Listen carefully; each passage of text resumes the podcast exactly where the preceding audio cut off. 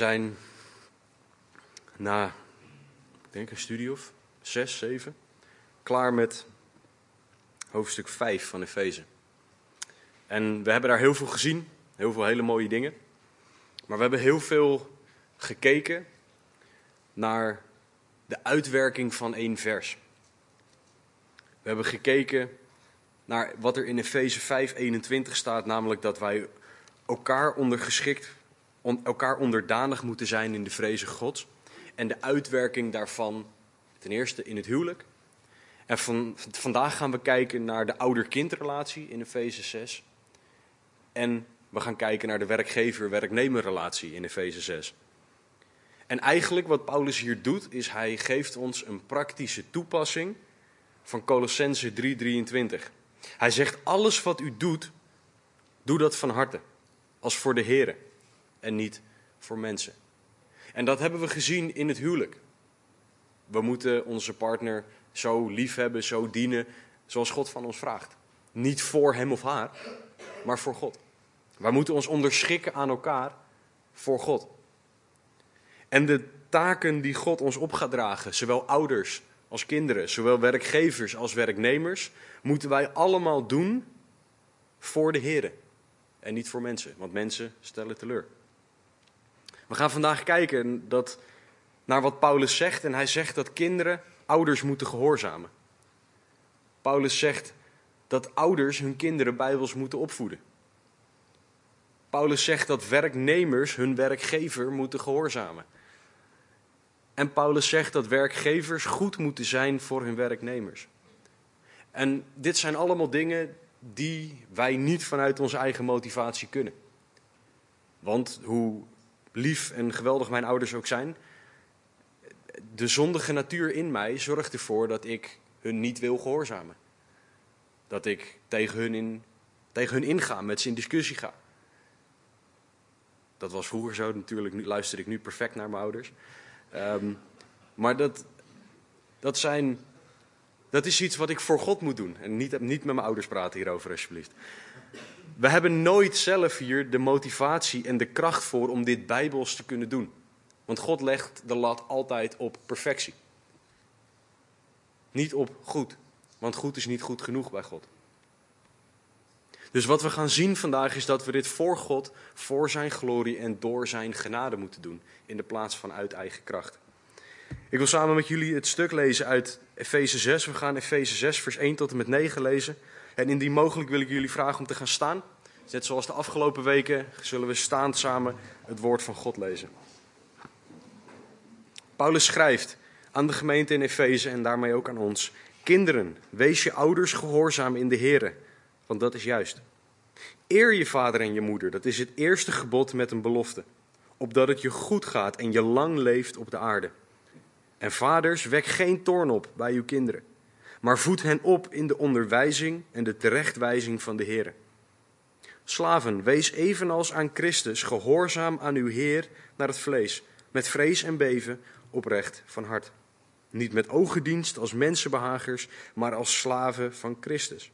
Doe zo van harte de wil van God. En dien met bereidwilligheid de Heere en niet de mensen.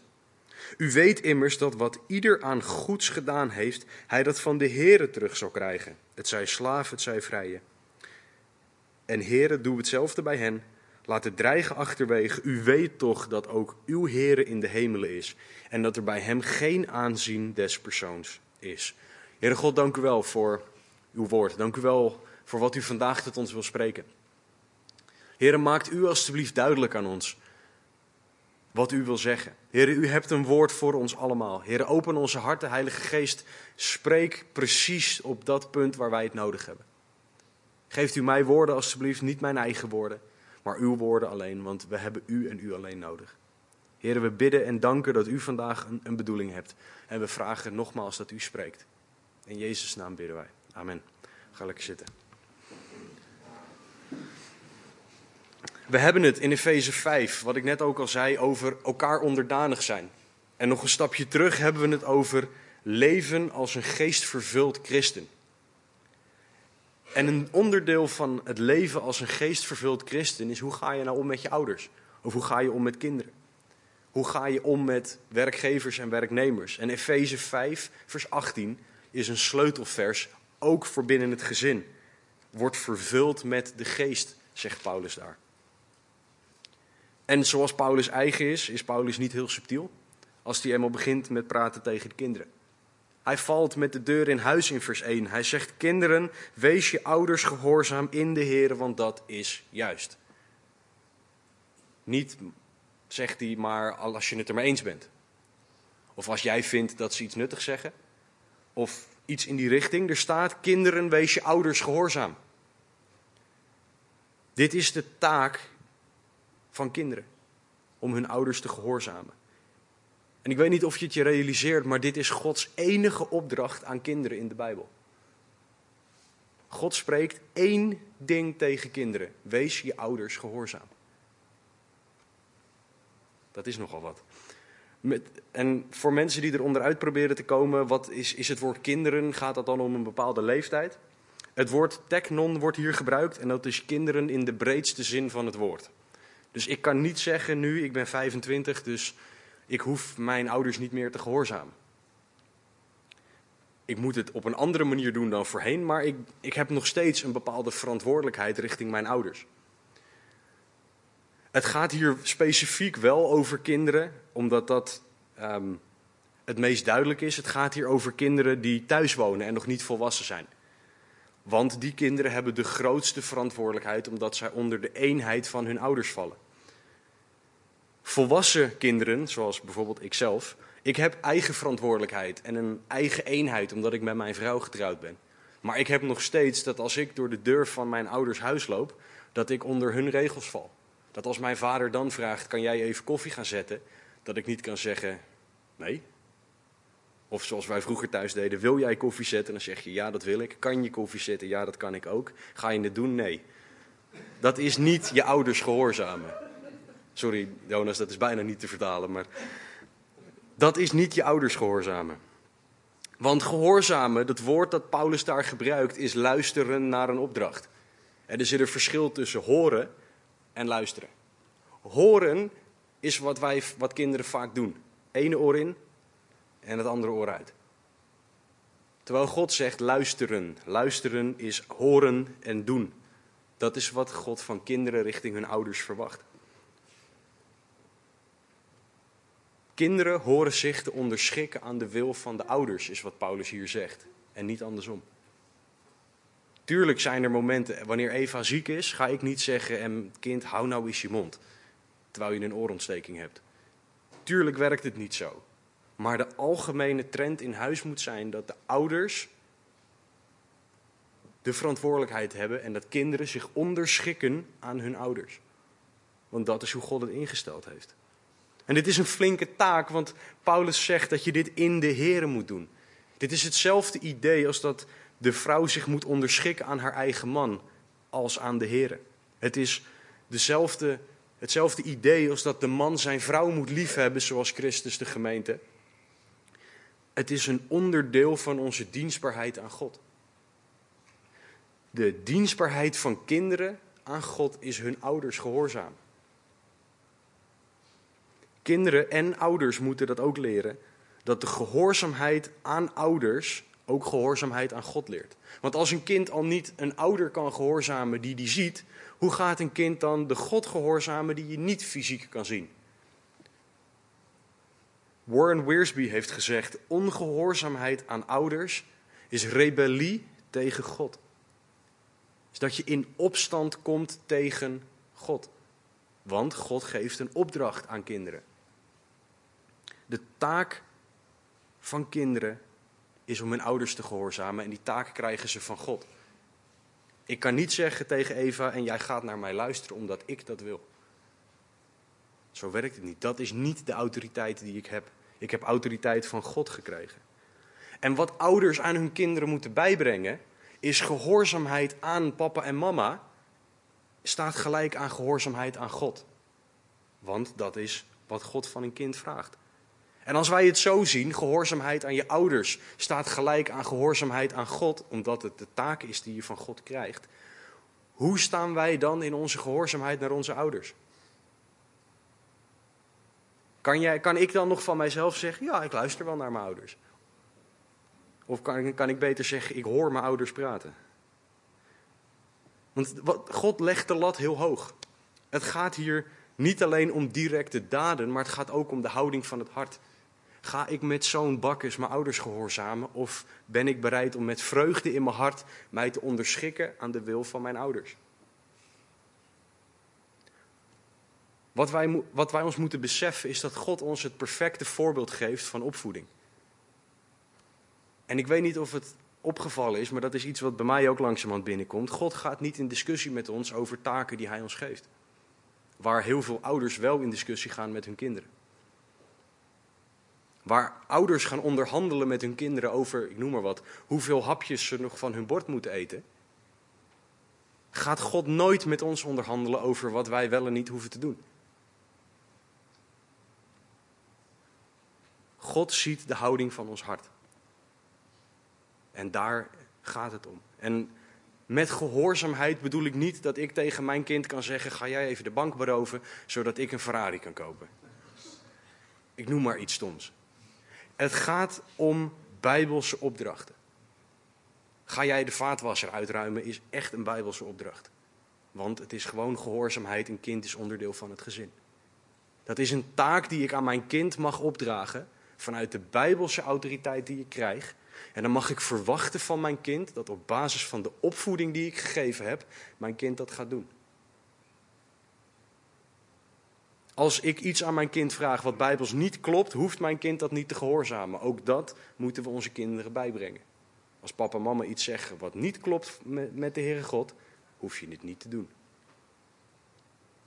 Dus kinderen, hoe sta jij tegenover je ouders? En dan kinderen van alle leeftijden. God vraagt dat jij je ouders volledig, direct en welwillend van hart gehoorzaamt. Hoe sta je nu in je gehoorzaamheid aan je ouders? Daarom is het zo belangrijk dat dit staat in de context van Efeze 5:18 wordt vervuld met de geest van God. Want ik kan dit niet richting mijn ouders vanuit mezelf. Ik kan dit echt niet. En een veelgehoord excuus, puberen, moe zijn, druk zijn, huiswerk, last is hoog, geen idee wat we er allemaal van maken. Dat zijn geen excuses. Want het is ook niet dat ik tegen God kan zeggen, ja, nee, ik, ik, ik weet dat ik, uh, dat ik niet mag liegen, maar ik, ik ben nou eenmaal een puber. In die periode dan. Dus nee, maar dan, dan is het opeens, nee, dan mag ik wel liegen. God zegt niet, gij zult niet liegen, tenzij u in de leeftijdscategorie van een puber zit. Het gaat om gehoorzaamheid aan God en er zijn geen excuses voor. Kinderen horen hun ouders te gehoorzamen, ouders horen hun kinderen op te voeden. Heel veel ouders voeden hun kinderen alleen tegenwoordig. Voeden ze niet op. Het is belangrijk dat ouders gaan inzien dat ze hun kinderen moeten opvoeden zoals God zijn kinderen opvoedt. Want God geeft ons het perfecte voorbeeld als de perfecte vader. En als wij denken dat wij dingen anders moeten doen dan hoe God het doet, dan zeggen wij eigenlijk, of dan zeggen wij, God, ik weet het beter dan u, terwijl u al wetend bent. Uw woord zegt dat ik dit moet doen, maar ik ben de uitzondering die ik bepaal. Laat duidelijk zijn, God geeft ons kinderen, zegt Psalm 127. Ze zijn een cadeau van de Heer. God houdt van kinderen. Hij zegt, laat de kinderen tot mij komen. En God draagt ouders op om het juiste te doen voor hun kinderen. En daarom geeft God regels en duidelijkheid aan de ouders over hoe zij met hun kinderen om horen te gaan. Als de ouders God gaan gehoorzamen, zullen de kinderen ook hun ouders gaan gehoorzamen. De kinderen moeten zien dat papa en mama ondergeschikt zijn aan God en de Bijbel. Dus dat als papa en mama een fout maken, dat papa en mama naar elkaar maar ook naar de kinderen toe gaan en zeggen: Vergeef mij alsjeblieft. Niet sorry. Sorry zeg je als je tegen iemand aanloopt in de trein. Vergeving is iets heel anders. Dat jij vergeving vraagt aan je kind als jij iets verkeerd doet. Kinderen moeten dit zien en zullen op het moment dat je dit bijbels toepast zich ook gaan onderschikken. Is dit van toepassing op elk kind? Ja, God zegt niet Kinderen met uitzondering van, wees uw ouders gehoorzaam. Ja, maar mijn kind heeft ADHD. Ja, maar mijn kind heeft autisme. Ja, maar mijn kind heeft Down-syndroom. Ja, maar mijn kind heeft X, wat het ook is. Tegenwoordig zijn wij heel goed in het plakken van labels. En een hele hoop zijn er nuttig. Laat, laat dat heel duidelijk zijn. Maak duidelijk hoe we met een kind om horen te gaan. Alleen gaat het psychologische label boven Gods woord? Of gaat Gods woord boven al het andere? Een kind met ADHD heeft misschien meer geduld nodig. Nou, dan heb je als ouder iets heel moois om te leren en om te laten zien aan je kind. Op het moment dat een kind autistisch is, heb je nog een stapje meer geduld nodig misschien. Of als een kind Down-syndroom heeft, kan dat kind ook leren om de Heer te gehoorzamen en daarmee de ouders te gehoorzamen. God spreekt tot alle kinderen dat zij hun ouders moeten gehoorzamen. En dat kost bij sommige kinderen meer moeite dan bij anderen. Maar God spreekt alle kinderen aan. Welk labeltje wij ook op het kind plakken. Paulus zegt in vers 2 en 3 tegen de kinderen: Eer je vader en je moeder. Dat is het eerste gebod met een belofte. Opdat het je goed gaat en je lang leeft op de aarde. Paulus maakt duidelijk wat God verwacht. Gehoorzaam je ouders. En ik vind het echt heel fijn dat God direct tegen kinderen praat in de Bijbel. Paulus citeert hier Exodus 20:12, waar staat: Eer uw vader en uw moeder, opdat uw dagen verlengd worden in het land dat de Heere uw God u geeft. Paulus laat hier zien dat dit vers ook van toepassing is op ons vandaag de dag. In Deuteronomium en Efeze, Colossense wordt er tegen kinderen gesproken, maar dat verwijst allemaal terug naar Exodus 20. En het eren van je ouders is niet niks. Dat is niet, dat, dat is niet iets kleins. Want het is ook een opdracht. Het staat in de uh, opdrachtgevende vorm, het woord dat hij hier gebruikt. Het is een imperative, zoals dat in het uh, Engels heet over het Grieks. Paulus geeft een Griekse draai ook aan dit woord. Want het woord voor eren betekent op waarde schatten. Iemand het verschuldigde ontzag geven. Dus wat kinderen moeten doen is hun ouders op bijbelse waarde schatten. Ja, maar mijn ouders zijn zo stom. Ja, dat klopt in de puberteit. Dan zijn je ouders ook stom, maar God vraagt nog steeds van je om je ouders te gehoorzamen. Kinderen horen hun ouders het verschuldigde ontzag te geven. Dat is hoe God het opdraagt. En God maakt duidelijk wat voor gezag ik mijn ouders verschuldigd ben.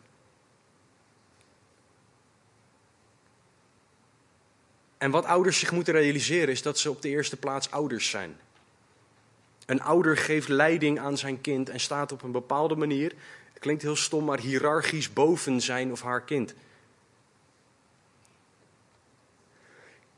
Tegenwoordig moeten kinderen gecoacht worden en moeten ouders vrienden zijn van hun kinderen.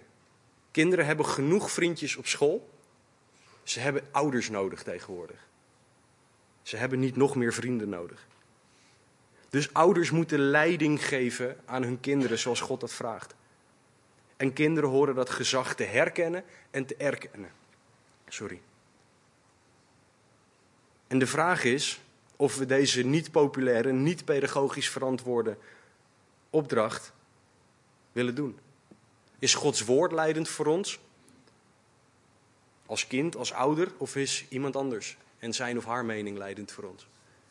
Als je kijkt naar wat er op de PABO onderwezen wordt, niks tegen de PABO. Ik ben erg dankbaar voor alle basisschoolonderwijzers. Maar dan gaat het over pedagogisch verantwoord. Dit schijnt niet pedagogisch verantwoord te zijn. Terwijl God het wel zegt, waar luisteren we dan naar? Gods woord of niet? Paulus zegt hier ook een, een, een raar gevolg in vers 3 van het je ouders eren. Namelijk dat het je goed gaat en je lang leeft op de aarde. Dus kinderen die hun ouders niet gehoorzamen, hebben het slecht en leven kort. Dat is niet wat Paulus zegt. Wat Paulus zegt is dat ouders beter horen te weten dan hun kinderen wat wel en niet goed is. En dat moeten ze allemaal toetsen aan het woord. Maar als kinderen hun ouders dan gehoorzamen, zullen zij een hoop dingen ontlopen uit de wereld, die ouders misschien zelf hebben meegemaakt, Dingen van het vlees, hey, ik weet het als ik moe ben dat ik zo reageer. Hou daar rekening mee en ga ermee naar de Heer toe. Ouders horen dat hun kinderen bij te brengen, zodat die kinderen dat kunnen ontlopen. Ouders kunnen misschien tegen hun kinderen zeggen: Ik weet wat de wereld te bieden heeft. Maar het vervult je niet. Het biedt je niks, het levert je niks op. Ga er niet naartoe. En dan zal het beter gaan, goed gaan met die kinderen, geestelijk gezien. En dat ze langer leven op de aarde, in de zin van dat ze dingen ontlopen die slecht voor ze zijn. God doet hetzelfde met ons als wat Hij ons opdraagt. God geeft ons kaders en Hij voedt ons op die manier op, want wij zijn Zijn kinderen. God maakt duidelijk wat wel en niet kan. En als wij kiezen om buiten de kaders te lopen, dan kiezen wij iets voor, voor iets wat minder goed is dan dat God voor ons heeft. En zo werkt het ook met kinderen. God zegt ook in zijn woord dat hij straft wie hij lief heeft. Dus als wij buiten zijn kaders stappen, zit daar een gevolg aan. Zo hoort het ook bij ouders te zijn. Paulus gaat verder in vers 4. Vaders, wek geen toorn bij uw kinderen op, maar voed hen op in de onderwijzing en de terechtwijzing van de Heer. Ouders moeten zich realiseren dat opvoeden verder gaat dan regels en corrigeren. Want het, is, het schijnt relatief makkelijk te zijn om een kind puur op gedrag zich goed te laten gedragen, puur op basis van regels en straf. Als je gewoon maar hard en consequent genoeg bent, kan je een kind alles laten doen wat je maar wil. Puur op basis van het gezag dat je uit kan stralen. Maar is dat waar het om gaat? Nee, het gaat om het hart en de eeuwigheid van het kind. Het gaat erom dat het kind gaat zien wie God is. En daar hebben vaders een belangrijke rol. En dan is het jammer dat in de huidige maatschappij niet alle vaders hun rol op zich pakken of aanwezig zijn. Vaders horen namelijk hun kinderen lief te hebben en op te voeden in de vrezen des Heren. Vaders hebben bijbels gezien een leidende verantwoordelijkheid in het gezin. Vaders horen hun kinderen op te voeden in onderwijzing en terechtwijzing in de Heer. En het onderwijzen betekent dat vaders hun kinderen onderwijzen over God. Je mag je kind echt wel bijbrengen hoe een auto werkt en hoe je moet timmeren, maar het gaat voornamelijk om het woord van God. Want dat heeft eeuwigheidswaarde. Vaders moeten met hun kinderen Bijbel lezen en uitleggen wat er staat. Vaders moeten daarin het voortouw nemen. Hij laat duidelijk zijn dat dit niet betekent dat moeders dit niet mogen doen. Het gaat erom dat papa altijd een moment pakt, een extra moment misschien, om dit te doen. Als mama elke dag met kind leest, betekent het misschien dat papa op zaterdagochtend zegt: En nu gaan wij lezen. En gaan wij zitten voor het woord van God. Dat is de taak van de ouders. En zaterdag is slechts een voorbeeld. Vaders moeten een moment zoeken om hun kinderen te onderwijzen in Gods woord. En zoeken impliceert hier ook dat je het vindt en gaat doen. Vaders, ik wil jullie uitdagen om Deuteronomium 6, vers 6 en 7 op te zoeken. Deuteronomium 6, vers 6 en 7. Dit is direct op jullie van toepassing. Dit is God die tegen zijn kinderen Israël spreekt. Deuteronomium 6, vers 6 en 7. De vraag is, vader, doe jij dit? Onderwijs jij je kind? Voed jij je kind op zoals God van jou vraagt? Ben jij bezig met het Bijbels onderwijs van jouw kind? Of vind jij dat het iemand anders zijn verantwoordelijkheid is? Of loopt het wel en laat je het daarom maar gaan? Heel veel mensen vinden dat, zeker mannen, vinden dat het de verantwoordelijkheid misschien wel is van hun vrouw, want die is thuis. Noem maar wat. Of de verantwoordelijkheid van de school. Ja, maar mijn kind gaat toch naar een christelijke school? Of nog eentje. Ja, maar het is toch de taak van de kerk om dat te doen? Mijn kind gaat toch naar de zondagschool? De zondagschool is een extraatje. Net zoals dat de zondagochtend erg belangrijk is, maar jouw geestelijk leven hoort niet af te hangen van de zondagochtend. Opvoeding van jouw kinderen in het woord van God kan niet afhangen van de zondagschool. Want dat is maar één keer in de week, zeg een uur. De overige zeven dagen en 23 uur bestaan ook. Dus vaders, pak je verantwoordelijkheid. Maar niet alleen moeten kinderen onderwezen worden, zegt Paulus, ze moeten ook terechtgewezen worden in de Heer. En dit heeft het idee van aanmoedigen, maar ook corrigeren door uitleg. Christenen worden door Paulus opgeroepen, we worden zelfs aangepakt, want dit is, Paulus gebruikt hier hele stevige taal in het Grieks om dit te doen. Paulus wil dat vaders hun kinderen wijsheid van God bijbrengen, zodat ze weten wat ze wel en niet moeten doen. En laat duidelijk zijn dat ouders, en specifiek vaders, de autoriteit in hun gezin niet mogen misbruiken. Kinderen moeten weten dat wat papa doet op basis van het woord van God is. En niet op basis van wat papa zelf irritant vindt. Want daar gaat het niet om. Als je wil weten hoe dat eruit ziet, kijk naar God de Vader. Hij is het perfecte voorbeeld. Kijk naar Gods liefde. En laat de genade die jij ontvangen hebt van God de drijfveer zijn om naar je kinderen te gaan en ze op te voeden zoals God van je vraagt. Paulus zegt ook heel duidelijk: wek geen toorn bij uw kinderen op. Warren Wiersbe verwoordt mooier dan dat ik het kan wat dat betekent. Hij zegt: Vaders wekken toorn bij hun kinderen op en ontmoedigen hun kinderen door het ene te zeggen en het andere te doen. Door ze altijd de schuld ergens van te geven en ze nooit te prijzen. Door inconsequent en oneerlijk te zijn in straffen. Door een lieveling te hebben in het gezin. Van de kinderen dan, want mama mag de lieveling van papa zijn, hoort dat zelfs te zijn. Maar ouders, vaders wekken toorn op door beloftes te maken en die niet na te komen. En door te makkelijk over dingen heen te stappen die voor de kinderen belangrijk zijn.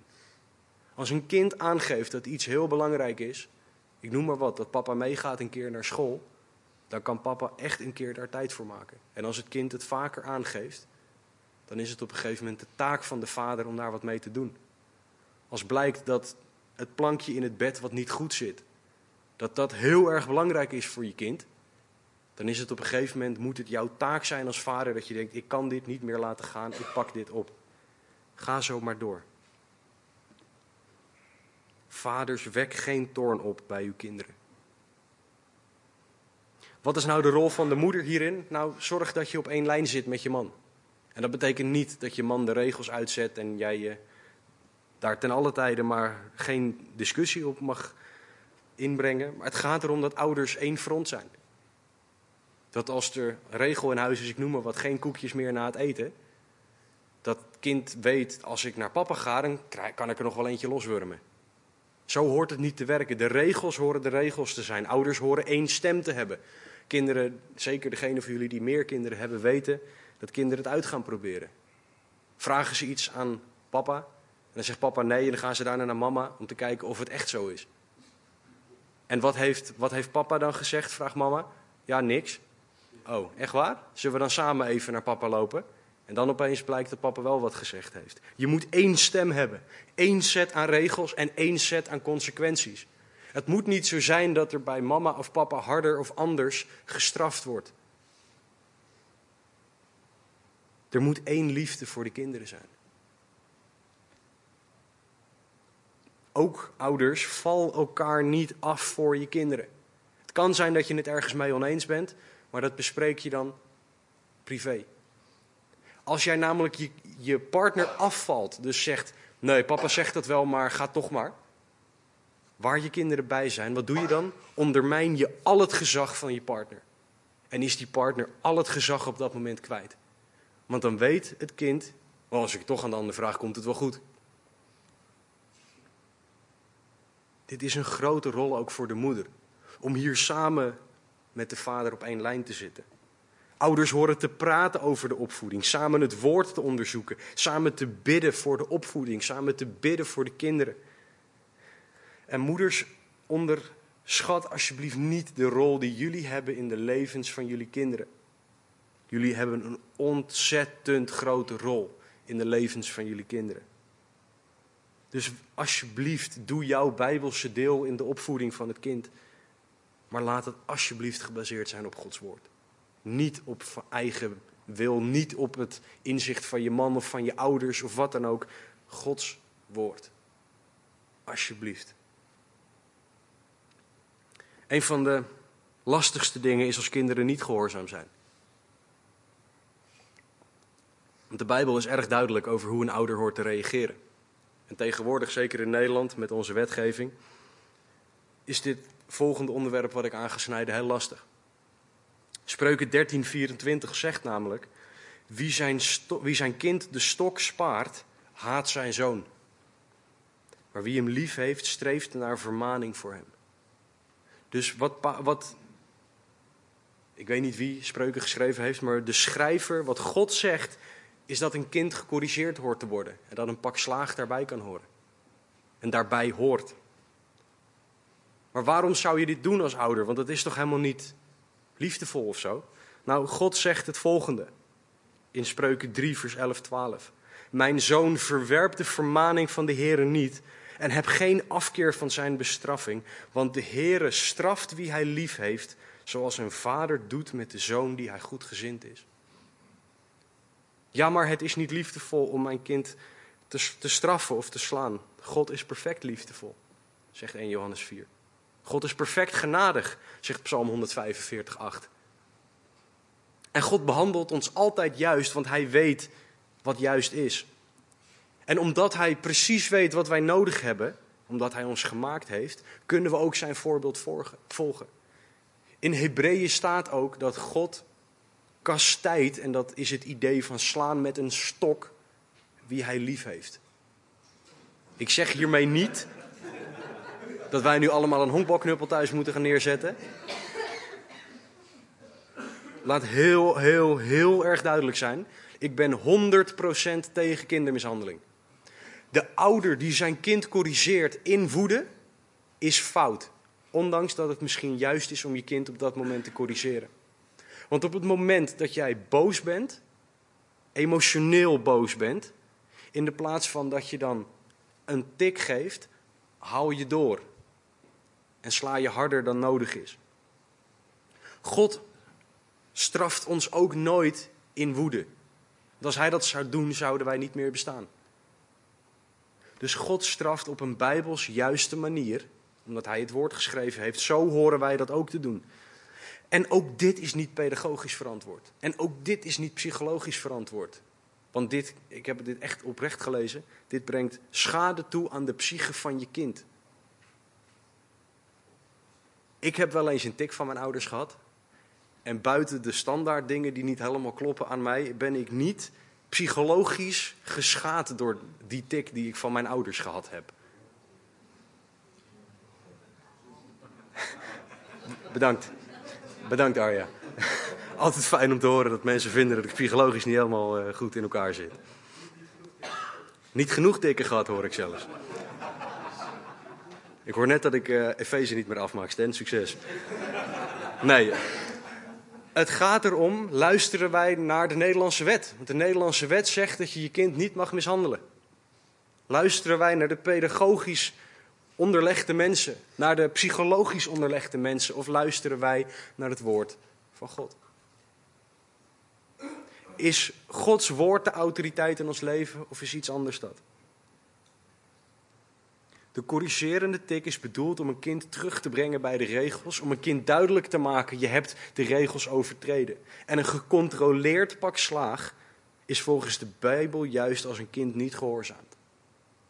Nou, vanaf welke leeftijd, dat weet ik niet. Als een kind het begrijpt. Eva is nu één jaar, ze begrijpt het niet. Ik heb haar best wel eens een tikje gegeven als ze dingen niet goed doet. Maar ik kan haar niet een pak op de broek geven zoals ik een kind van drie of vier of vijf wel zou kunnen doen. En ik ben erg blij dat mijn ouders mij nu met 25 niet nog een pak op de broek gaan zitten geven. Want dat wordt een beetje een rare situatie. Rond de middelbare schoolleeftijd is dat echt wel klaar dat je een pak op de broek kan geven.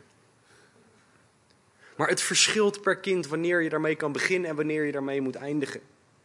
Een aantal praktische dingen, die komen deels ook uit het boek De Weg naar het Kinderhart. Echt een fantastisch boek, echt aan te raden, De Weg naar het Kinderhart. Maar een aantal richtlijnen voor je kind corrigeren is, doe het nooit in het openbaar. Als een van jullie hier in de kerk zijn kind een pak op de broek gaat geven, verneder je je kind voor de hele kerk.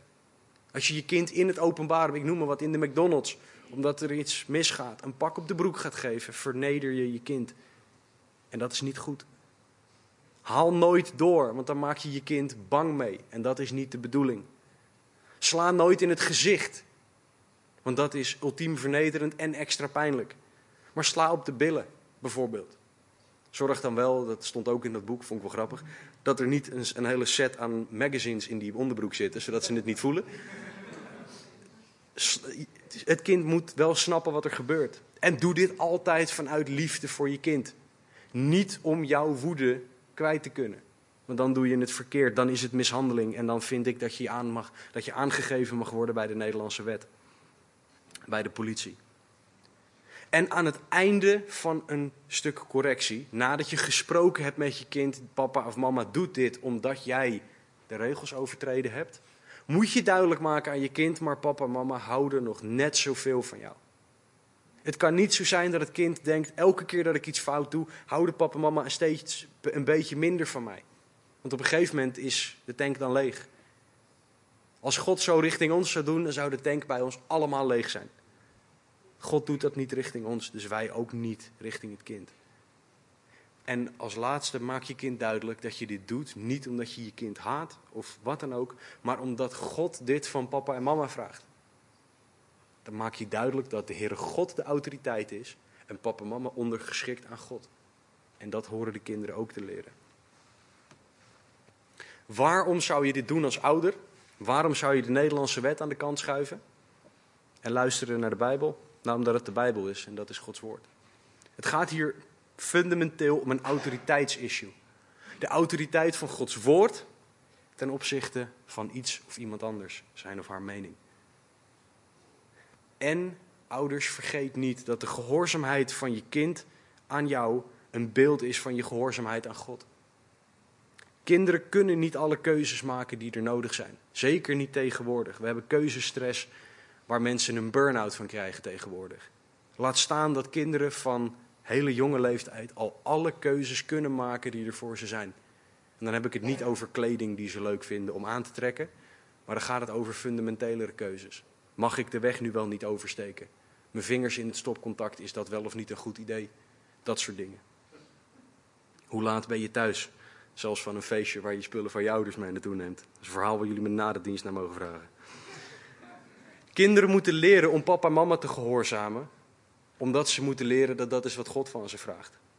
En papa en mama moeten dus continu uitleggen, God leidt en papa en mama volgen God.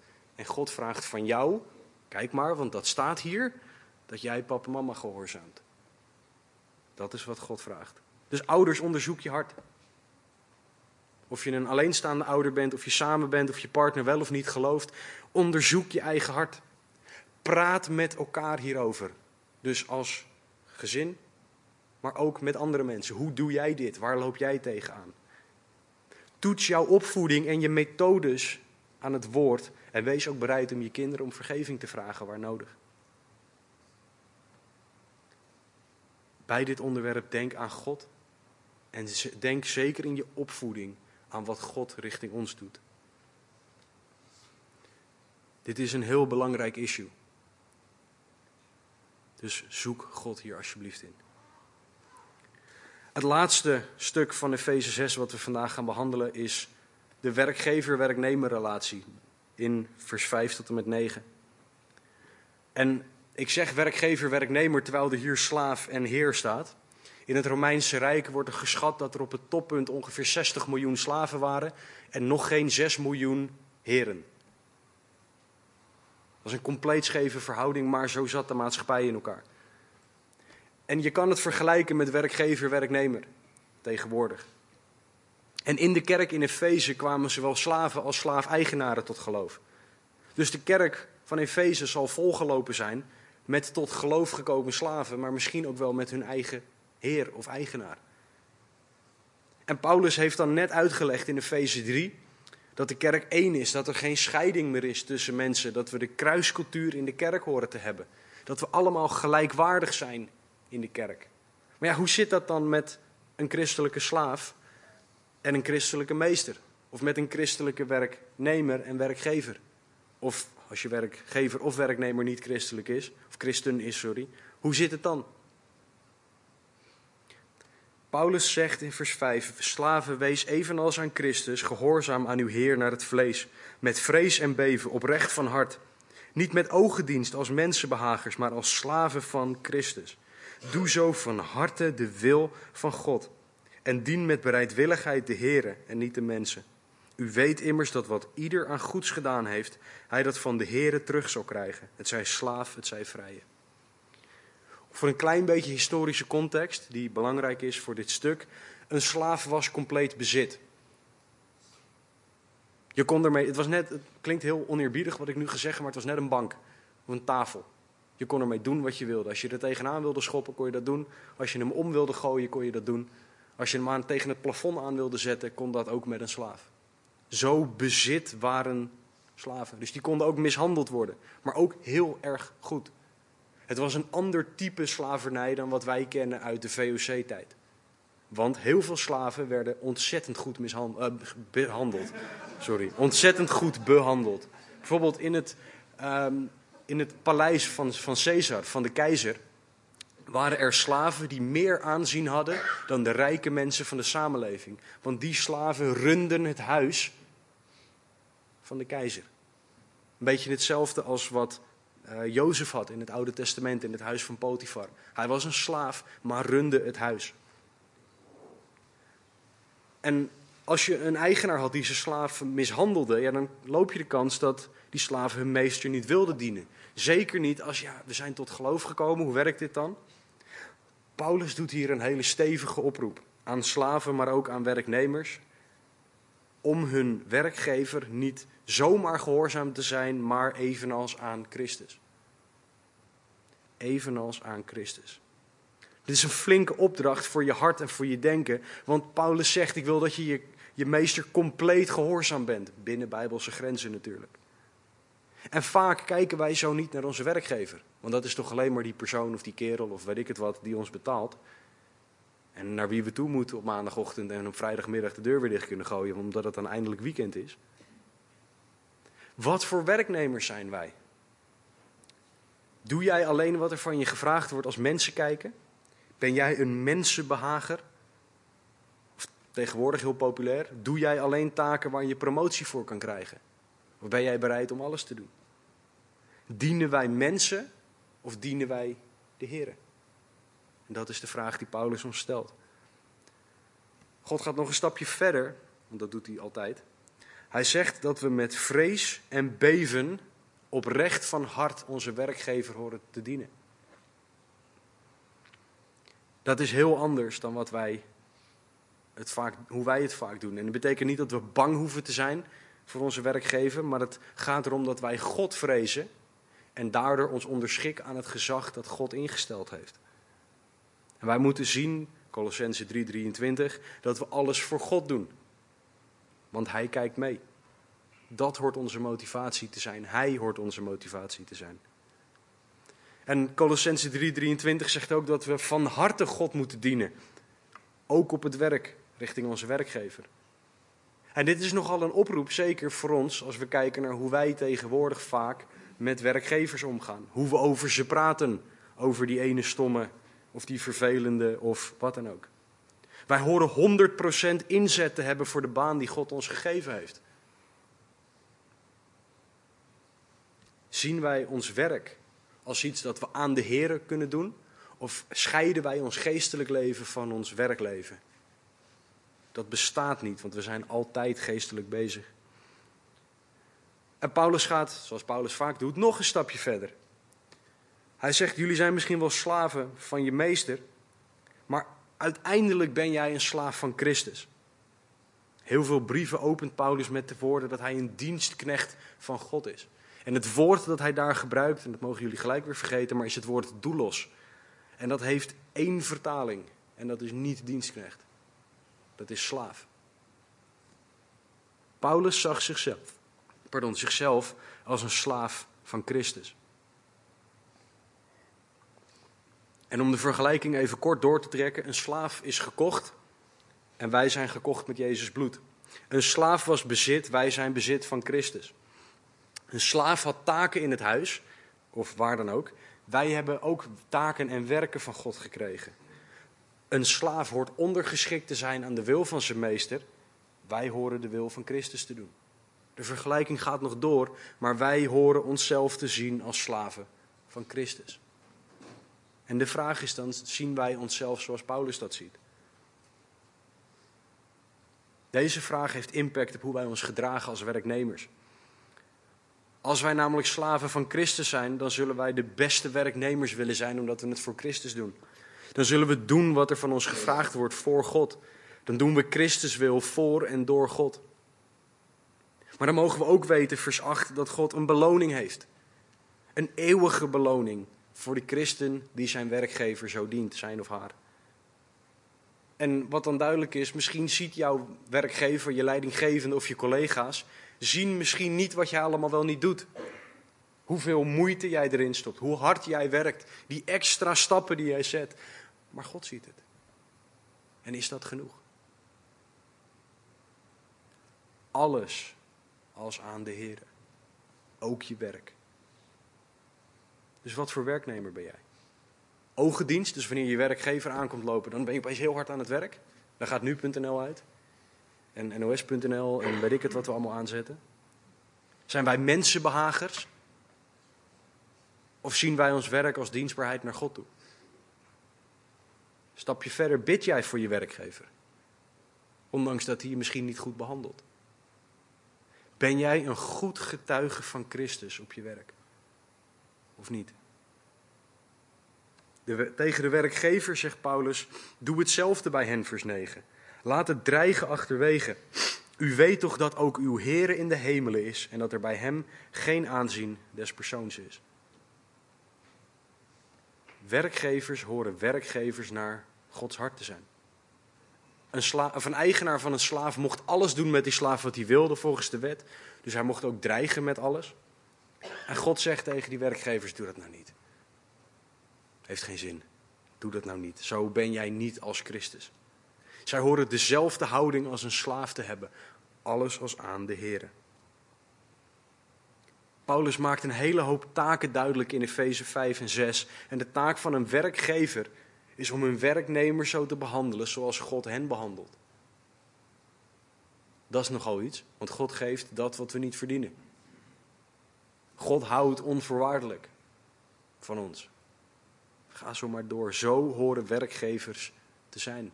Ze horen alles voor de Heer te doen. Dat betekent trouwens niet dat je nooit de werknemer mag ontslaan. Laat dat duidelijk zijn. Je hoeft ze niet altijd maar aan te houden. Je mag, want God doet dat ook, duidelijke kaders stellen. Maar je hoort als werkgever je werknemers te dienen op een bepaalde manier. Je hoort ze juiste en faire taken te geven. Verwacht niet van ze dat ze een toren tot aan de maan bouwen, bijvoorbeeld. Je moet een juist en fair salaris geven. Je moet ze juist en liefdevol behandelen, omdat God dat en meer voor ons doet. Werkgever, je moet geen lievelingetjes hebben die je alle leuke klussen geeft en die ene persoon die je al die vervelende rotklussen geeft. Want bij God is er geen aanzien des persoons. Werkgever weet dat jij je behandeling van je werknemers moet verantwoorden bij God. God kijkt mee. Hij kijkt naar de intentie van jouw hart ten opzichte van je werknemer, niet alleen naar je daden. Hoe behandel jij de mensen die God jou toevertrouwd heeft? Is Christus jouw drijfveer?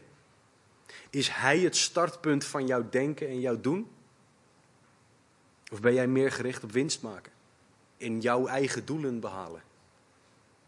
Werkgever, werknemer, onderzoek je hart. Wat voor werknemer of werkgever ben jij? Zoals God van jou vraagt?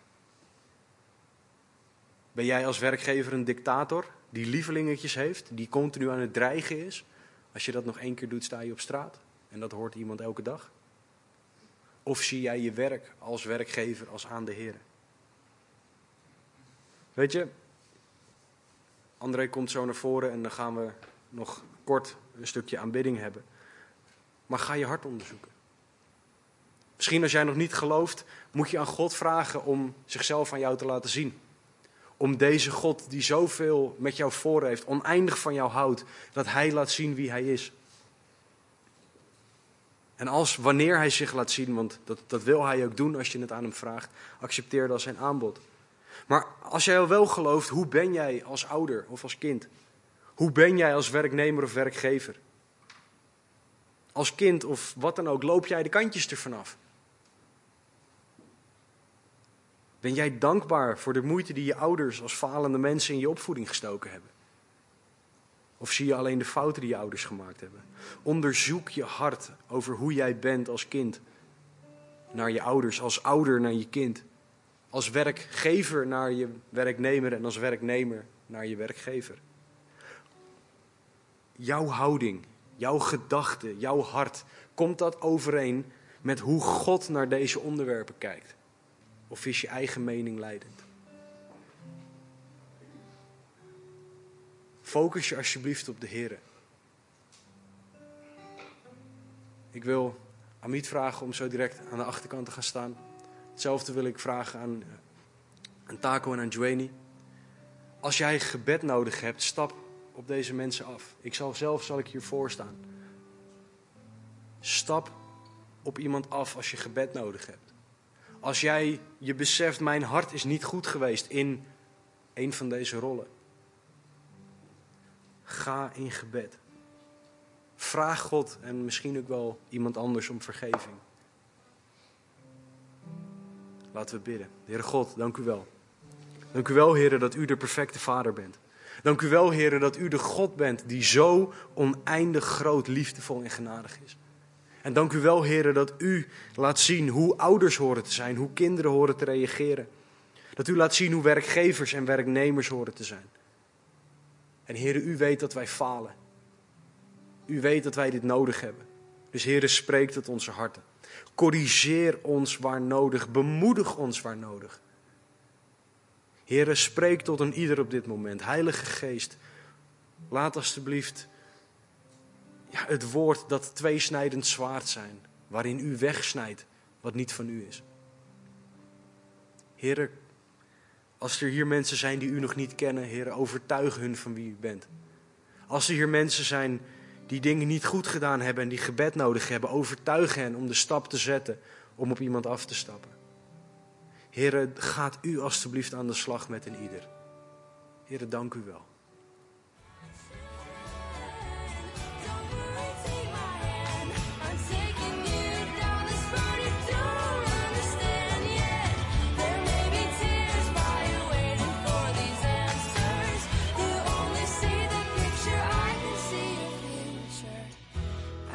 tell you right now, it's gonna be alright.